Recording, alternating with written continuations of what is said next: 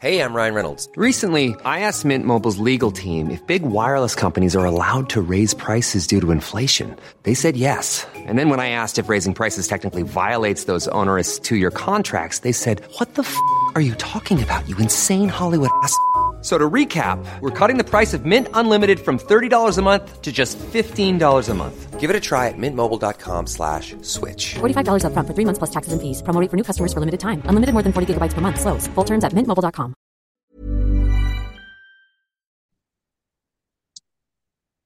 Halo pendengar GGMI Podcast, balik lagi bersama kita berdua dan pada episode kali ini kita resmi menutup pekan ke-38 alias season 2022 2023 season pertama fullnya Erik Ten Hag sebagai nahkoda.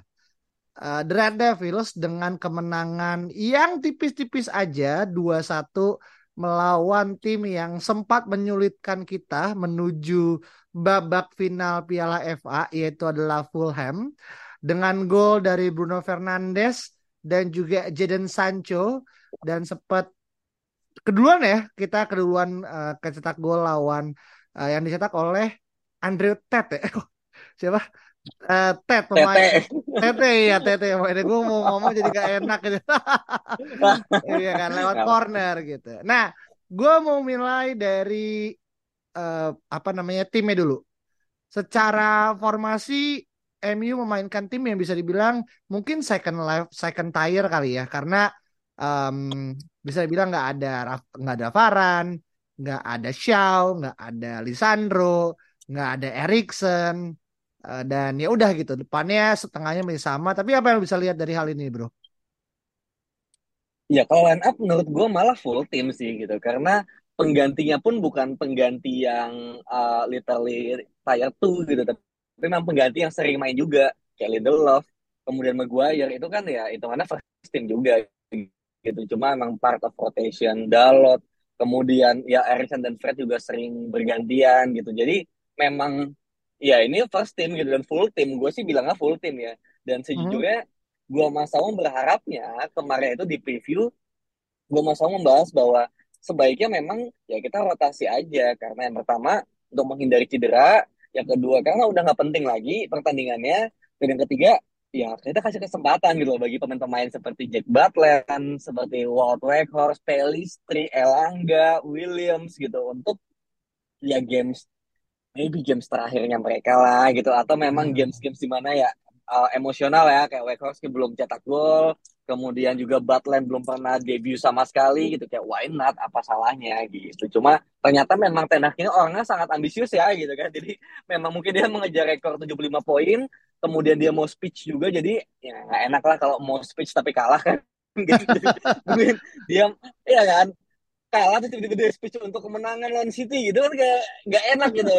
Lu ngomong soal lu menang gitu. Jadi mungkin itu juga dia ingin apa ya tetap pada track yang benar gitu. Dan gue memahami juga dan untungnya memang di menit-menit 60-an akhirnya pemain pemain kunci seperti Casemiro itu juga akhirnya ditarik kan karena Casemiro ini adalah pemain yang gue sangat takut dia kena suspend gitu. Jadi untungnya uh, semua went well sih. I see. Jadi emang ini ya bisa dibilang ini adalah uh, match bisa dibilang pertandingan terakhir beberapa pemain MU ya. Karena kan kita juga melihat rumor-rumor kayak Harry Maguire, Scott McTominay, even kayak Victor Lindelof, David De Gea gitu kan.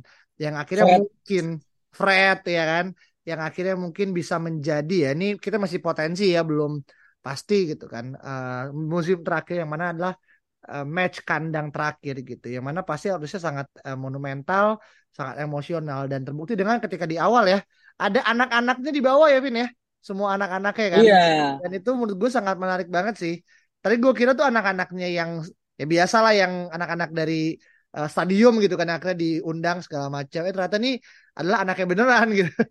Ya benar menarik banget sih konsepnya segala macam. Dan dan lu bener ya kayak kita kan di musim ini kan kemenangan 27 pertandingan ya kalau nggak salah ya. Iya. Iya nggak sih? Uh, menyamain rekornya Ole hmm. kan di tahun 2020 ya kalau gua nggak salah kan. Yang mana nih buat musimnya Tenak nanti kita bisa tag di episode berikutnya yang perihal bagaimana kita mereview Tenak secara semusim dan detailnya, tapi sekarang kita fokus pada pertandingannya gitu kan. Dan kita pengen lihat dari proses terjadinya penalti. Yang mana menurut gua salah satu di Maguire. Dia salah oper. Iya kan? Dia salah oper yang ngebuat akhirnya kita kena counter dan di lalanya Casemiro kakinya nyangkut. Untung aja nggak ada kartu kuning. ada kartu merah gitu kan. Dan ternyata De Gea berhasil menggagalkan penalti keempatnya Al uh, Mitrovic di musim ini yang nggak ternyata gol gitu kan. Empat kali penalti hmm. Mitrovic hanya tak gol. Dan di grup ya by the way buat teman-teman ada konteks gue sama Saung tuh akhirnya ngemoking Alvin. Real David De Gea gitu kan. Nah lu ada tanggapan nggak tentang De Gea dan juga penaltinya Vin? Iya, iya, um, semua surprise sih gitu. Karena Mitrovic meskipun uh, udah tiga kali gagal ya, uh, belum termasuk yang kemarin gitu, tapi tetap aja Mitrovic main gitu yang um, apa namanya berbahaya juga dan juga habis tiga kartu merah juga kan di uh, pertandingan terakhir di Old Trafford. Jadi mungkin menginginkan revenge gitu. Kemudian juga berhadapan dengan David De Gea yang nggak pernah uh, save penalti sejak tahun 2013 gitu. Apa 14 lah ya gitu ketika lawan Everton Leighton Baines waktu itu di Old Trafford juga kalau nggak salah. Jadi memang pada akhirnya kemarin tuh nggak ada yang nyangka dan ketika beneran ditepis gue pun kaget gitu kayak lah anjing gitu giliran pertandingannya udah nggak ada pressure malah bisa gitu. Kemarin lawan Brighton ke mana aja gitu. Hai. gitu. Jadi ya kan. Jadi memang memang pada akhirnya gue senang dan gue juga praising gitu kan bagaimana David De Gea bisa menepi tendangan tersebut. Cuma satu sisi uh, ya by konteks gue nggak merasa ini adalah hal yang spesial banget gitu. Spesial oke okay, untuk bagaimana kepercayaan diri dia apalagi menjelang final ya gitu. Bagaimana oh gue pernah nepis penalti nih. Mungkin nanti kalau ada adu penalti lagi lah Manchester City dia tak ingat tuh dia bisa tembus tendangan Mitrovic gitu. Jadi ada sebuah inilah validasi. Nah cuma balik lagi yang tadi gue bilang lawan Fulham ini kan udah nggak ada pressure gitu. Kemudian di pertandingan-pertandingan kayak lawan Villarreal di final kemudian di semifinal kemarin lawan Brighton dan pertandingan-pertandingan yang lain itu kan semuanya full of pressure di mana dia harus nepis gitu loh dan tidak pernah kejadian sejak 10 tahun yang lalu gitu loh satu pun nggak ada Nah, ini giliran pertandingan yang udah ya semi-semi fun football lah ya gitu kan. Dia sama bisa gitu. Jadi mungkin memang ya nggak terlalu spesial gitu ya. Oke, okay, it, it, it itu keren tapi kayak ya udah tidak menjustifikasi bahwa and then kemudian um, apa propaganda yang udah kita lakukan gembar-gembor selama 2-3 tahun ini termasuk gua orang yang paling vokal ya. Kalau misalnya di Twitter kemudian di podcastnya Jenny juga adalah orang paling vokal untuk menyuarakan dia out dan Diogo Costa in, ya gue tetap pada stance yang sama gitu. Dan gue melihat Twitter pada hari ini juga nggak ada yang berubah gitu. Bahkan komentarnya Tenah gitu. Di apa namanya di wawancara dengan gue lupa Times atau apa adalah ya ingin beli kiper baru gitu loh. Ingin beli kiper baru dan betapa pentingnya kita melakukan build up dari belakang dia harus up dan dia beberapa kali bisa. Tapi kan berarti mengatakan bahwa beberapa kali lainnya dia gak, gak bisa gitu. Nah inilah yang menunjukkan bahwa sebenarnya Tenang juga udah tahu. Tenang tuh sepakat sama gua gitu. Cuma memang dia halus di media tapi dia punya plan gitu. Jadi it's not that special sih kemarin momen penalti itu. Hmm I see ya. Tetap akhirnya kembali pada skema di awal terkait dengan bahwasanya De Gea kemarin nepis. Yang mana kalau terakhir kali mungkin di Old Trafford kali ya. Karena kalau di di musim ini kalau nggak kan pas nepis eh, penaltinya ini kan. Siapa namanya uh, pemain West Ham tuh? Mark Noble. Iya. Iya kan? Itu kan di Liga juga tuh. Yang tapi itu pun juga oh iya musim lalu ya eh musim lalu musim ini sih. Musim lalu musim lalu musim lalu. Musim lalu ya? Iya kan? Iya. itu terakhir kali tuh dia nepis penalti kan. Setelah itu emang nggak pernah lagi kan. Dan mungkin sebelumnya gue nggak tahu kapan berarti yang Leighton Baines mungkin jauh banget berarti kalau ngomongin secara Leighton Baines gitu. Kan tapi oke okay lah itu bisa menjadi suatu hal yang ya mengembirakan buat De Gea karena ditonton sama keluarganya kan. Jadi dia bisa jadi uh, hero gitu kan saat itu gitu. Dan ratingnya juga gue lihat di SofaScore juga tinggi 8 ya uh, buat dia gitu kan walaupun kejebolan nah tapi gini kita setelah itu juga cukup aktif nyerang dan satu pemain yang menurut gue cukup di luar duga adalah Fred.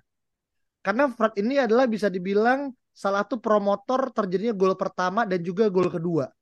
Gue pengen fokus ke gol kedua karena bagus banget uh, umpannya gitu kan. Gue nggak berpikir tuh gue kira tuh Erikson yang tiba-tiba uh, apa namanya uh, apa namanya berjubah yang beda gitu kan. Tapi itu Fred gitu kan. Nah, tapi itu dari gol pertama dulu ya, yang mana cetak sama Jadon Sancho ada pergerakan Fred yang menge, apa ya bisa bilang menyelinap masuk lah ya ke kotak penalti dan gue gak tahu apakah dia emang itu main nge-shoot tapi pelan atau ngumpan tapi akhirnya disentek sama Jadon Sancho yang mana ya notabene go apa gawang udah kosong gitu kan. Nah, lu ngelihat dengan tidaknya Anthony dan Sancho dimain di kanan, ini apakah bisa dibilang kita kembali lagi pada bulan madu kita sama Sancho yang emang dia emang kodata main di kanan atau gimana sebenarnya Vin? Hmm, ini lu nanya dua langsung ya, Fred sama Sancho ya berarti ya? Enggak, enggak, Sancho dulu, Sancho dulu. Dalam arti Oh, Sancho. Nanti yang kedua okay. aja, yang kedua, karena lebih Oke, oke, okay. oke, Sancho ya. Iya, ini sebenarnya poin di mana poin penting ya, bagaimana sebenarnya Sancho ini kan di awal musim uh, mainnya di RW ya sebelum datangnya Anthony dan itu Sancho mainnya bagus lawan Arsenal, lawan Liverpool ya di dua match itu terutama di mana kita bisa meraih kemenangan ya.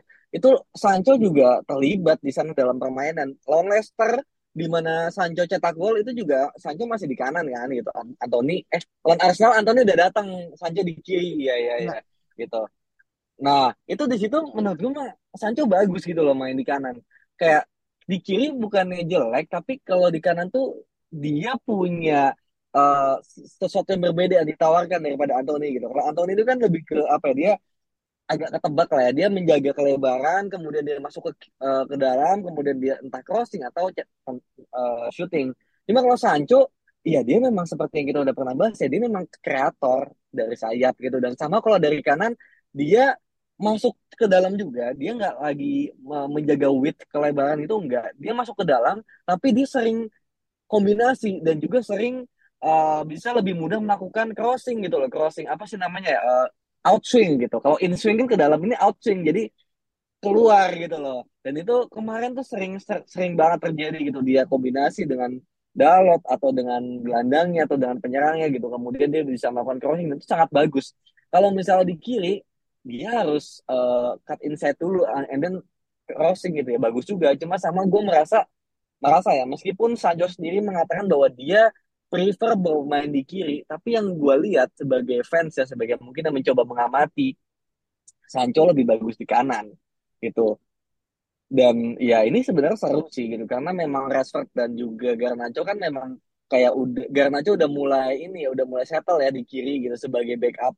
Dan Sancho somehow ternyata bisa mengganggu Anthony juga nih di kanan dan ini menurut gue seru banget. Dan memang uh, di beberapa pertandingan terakhir ketika Sancho di kanan memang lebih hidup dan dibantu dengan statistik juga kan. Ketika lawan Chelsea dia bisa assist dia juga bisa create chances dari kanan ada lima peluang. Kalau lawan Chelsea kemarin gue lihat ada crossing ke Bruno crossing ke Garnacho crossing ke siapa lagi Scott McTominay itu di babak kedua. Itu dari dia semua men. Dari pergerakan sisi kanan yang gue bilang ya crossing gitu loh. Jadi dia kayak seolah menjadi Beckham tapi versi yang lebih lincah dan versi yang lebih uh, apa ya uh, fleksibel nggak cuma di kanan tapi kadang dia juga bisa masuk ke tengah juga gitu jadi ya emang dia lebih bagus di kanan menurut gue. I see, I see, bener sih. Dan gue ngelihat memang ujungnya jauh lebih fleksibel dan kalau teman-teman mungkin nonton ya, itu tuh Sancho di menit-menit gue nggak tahu deh setelah kejebolan kalau nggak salah deh, dia tuh sampai drop sampai ke nomor 6 loh Vin. Kalau lihat inget nggak? Hmm. Ada momen di mana dia tuh sampai oh, nomor 6 segala macam. Babak pertama sih ingat hmm. Segala yang mana yeah, yeah. apa itu perintahnya uh, Tenak ya untuk akhirnya jemput bola sejauh itu. Tapi gue mengapresiasi lah untuk akhirnya dia bisa lebih mobile dan gue cukup yakin ya untuk Sancho nih meskipun ini ujungnya nanti kita bisa bahas banyak. Tapi gue ngerasa di musim depan pasti ada ada revamp dari Ten Hag yang mungkin ingin diterapkan pada uh, Sancho itu sendiri gitu kan. Karena kenapa? Karena pasti persaingan di wing semakin ketat. Satu karena juga kita kedatangan uh, kembali Ahmad Diallo ya yang akan berlabuh lagi gitu kan. Jadi pasti kanan tuh udah banyak antrian, kiri pun juga gak kalah banyak antrian karena pasti kan Rashford nggak akan main di posisi uh, striker kalau emang kita datangnya striker gitu kan. Jadi ini akan menjadi suatu hal yang sangat menarik gitu.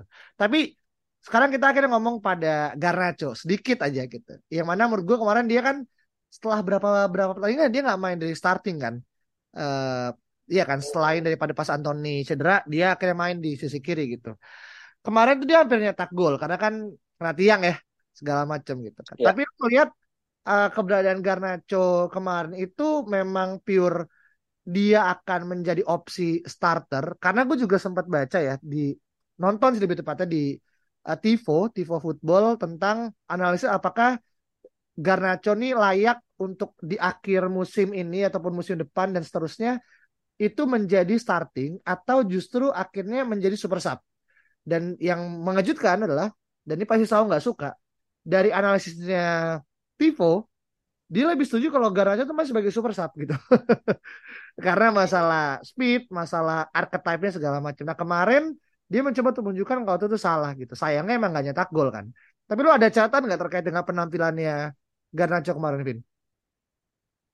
Iya, gue pun juga udah nonton ya analisisnya Tivo. Kebetulan itu yang uh, presenter kan si Angka ya. Iya. Dan gue juga suka sama the way dia mempresentasikan itu. Dan memang gue pun setuju sama Tivo. Dan memang Garnacho ini levelnya belum level starter gitu. Karena Garnacho ini lebih kepada ya, kalau pakai bahasa Coach Justin ya, masih tipe yang banyak otot dikit otak gitu. Minjem istilahnya dia gitu.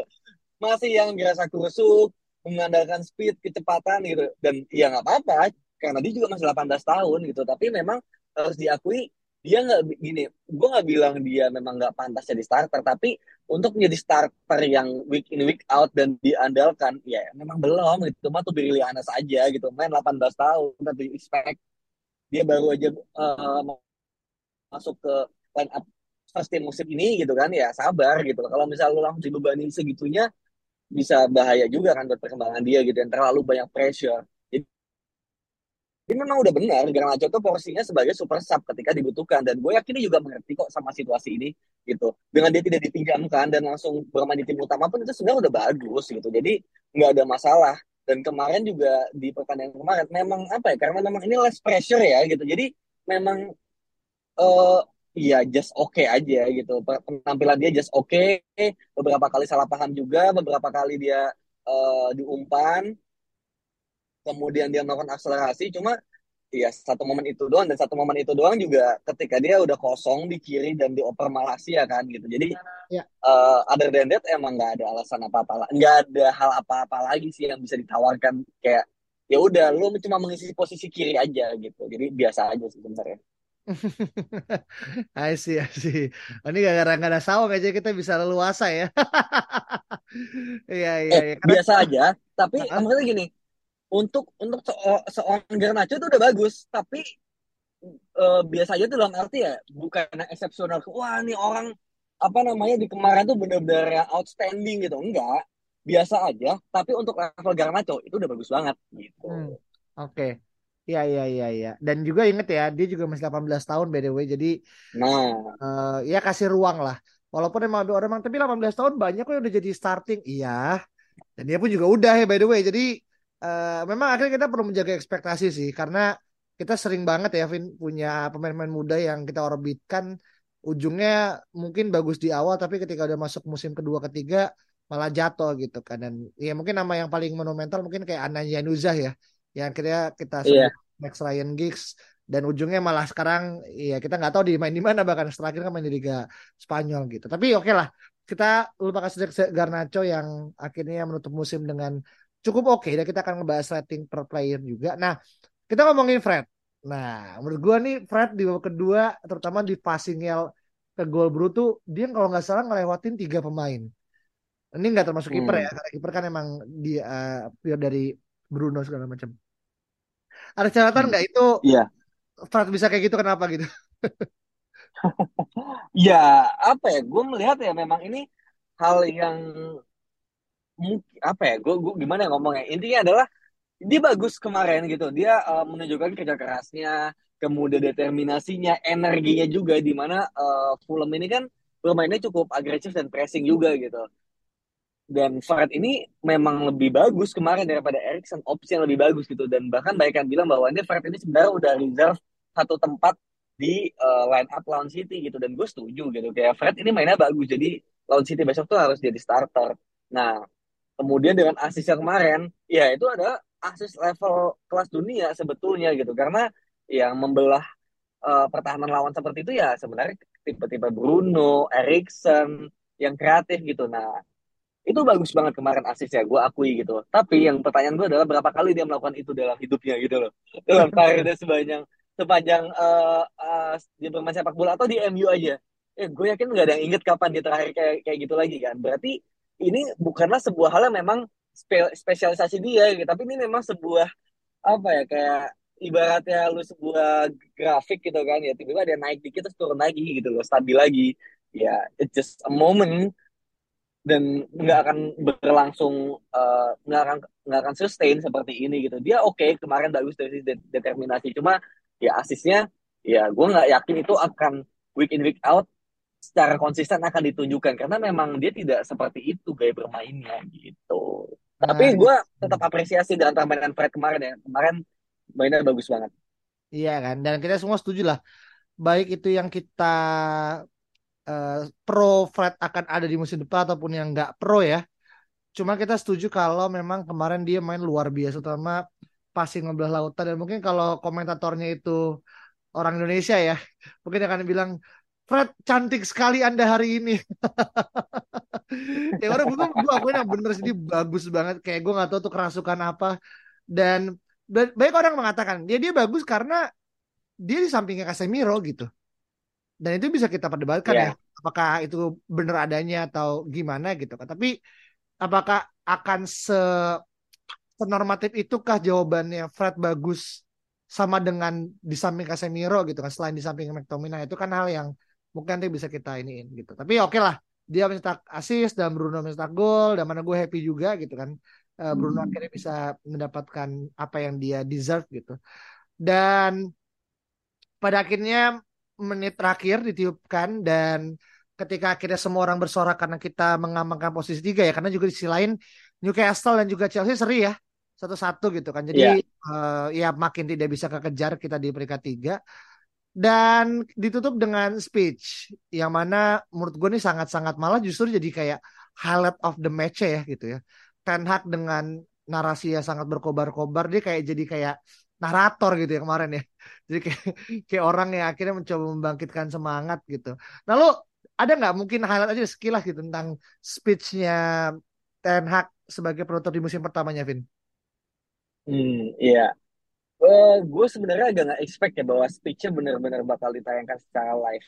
Karena memang video.com ini kan sering kali memotong ya memotong adegan post match ketika uh, sudah selesai beberapa menit kemudian langsung dipotong selesai begitu aja. Nggak kayak mola ya. Kalau mola kan uh, ini kita sebut baik banget ya dari tadi gitu. Yeah, yeah. mola ini uh, dia benar-benar sampai selesai ditayangkannya gitu. Nah kemarin pas gue lihat ternyata uh, tetap tuh tetap ada. Dan ternyata bener yang lu bilang ada speech. Ya udah pas kita tonton ternyata memang uh, dia benar-benar melakukan apresiasi ya setinggi tingginya kepada para pemain, kepada para staff dan kepada para fans juga. Dan dia bilang I'm sure gitu kan, I'm sure gitu. Pemain ini akan memberikan segalanya di final nanti. Dan kita bakal bawa Piala FA balik ke Old.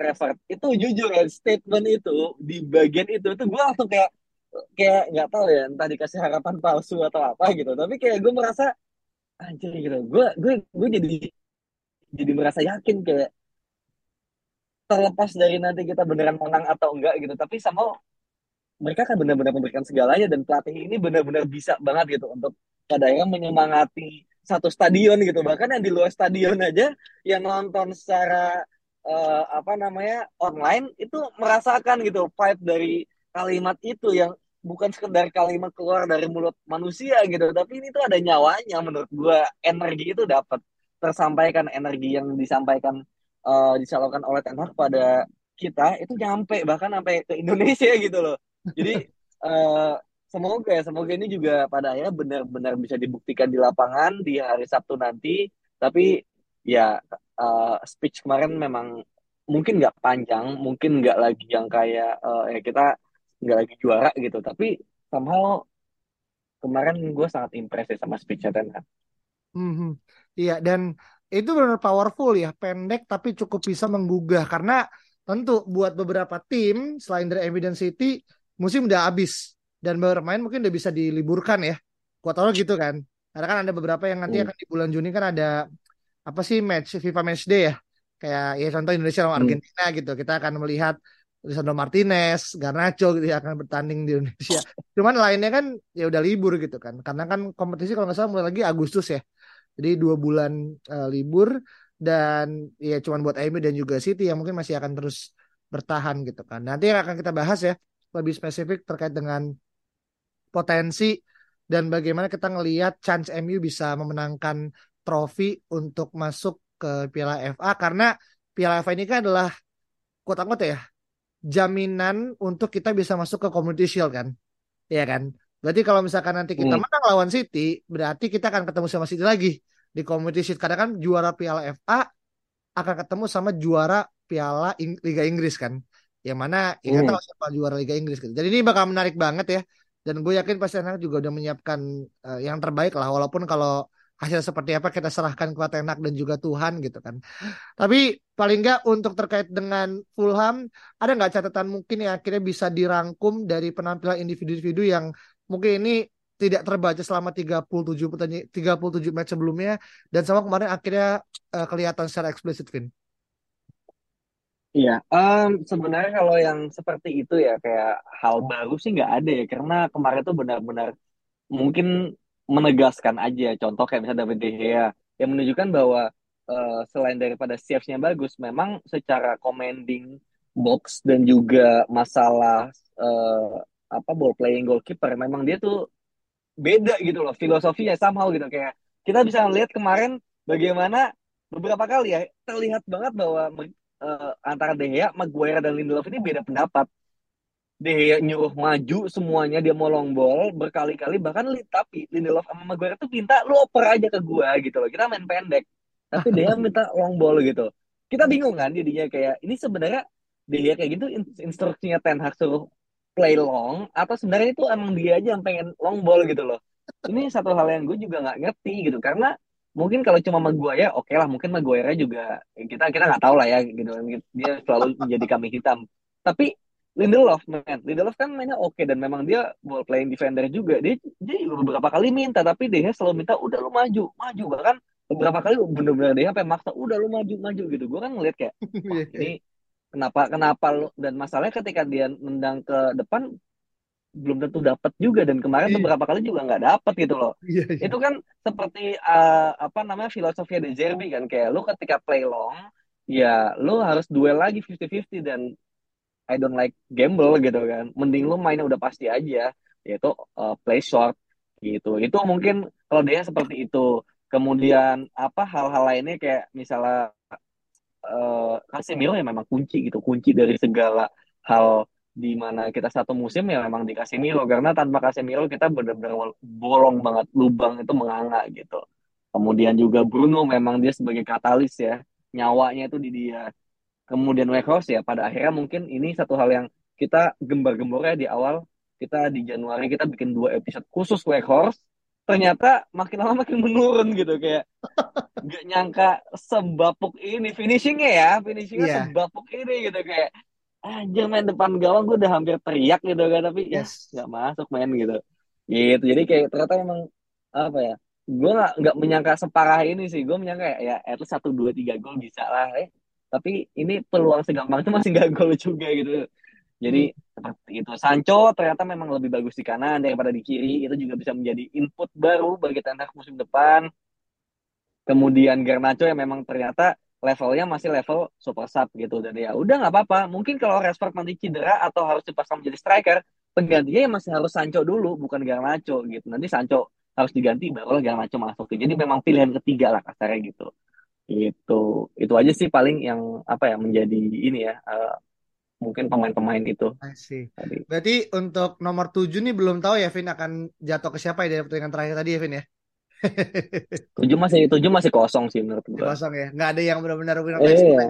dari dari Mungkin pinginnya pinginnya Garnacho sih, tapi masih butuh 2 3 4 tahun lagi gitu kayak untuk membuktikan diri karena kita juga mau pemain yang konsisten kan gitu. Nah, kita lihat aja kesabaran dia bagaimana menghadapi mungkin frustrasinya belum dapat menit bermain karena Ten Hag ternyata filosofi filosofi itu beda sama yang kita pikirkan. Kita mungkin mikirnya kayak ah udahlah pertandingan terakhir kasih aja jam terbang ke pemain-pemain muda.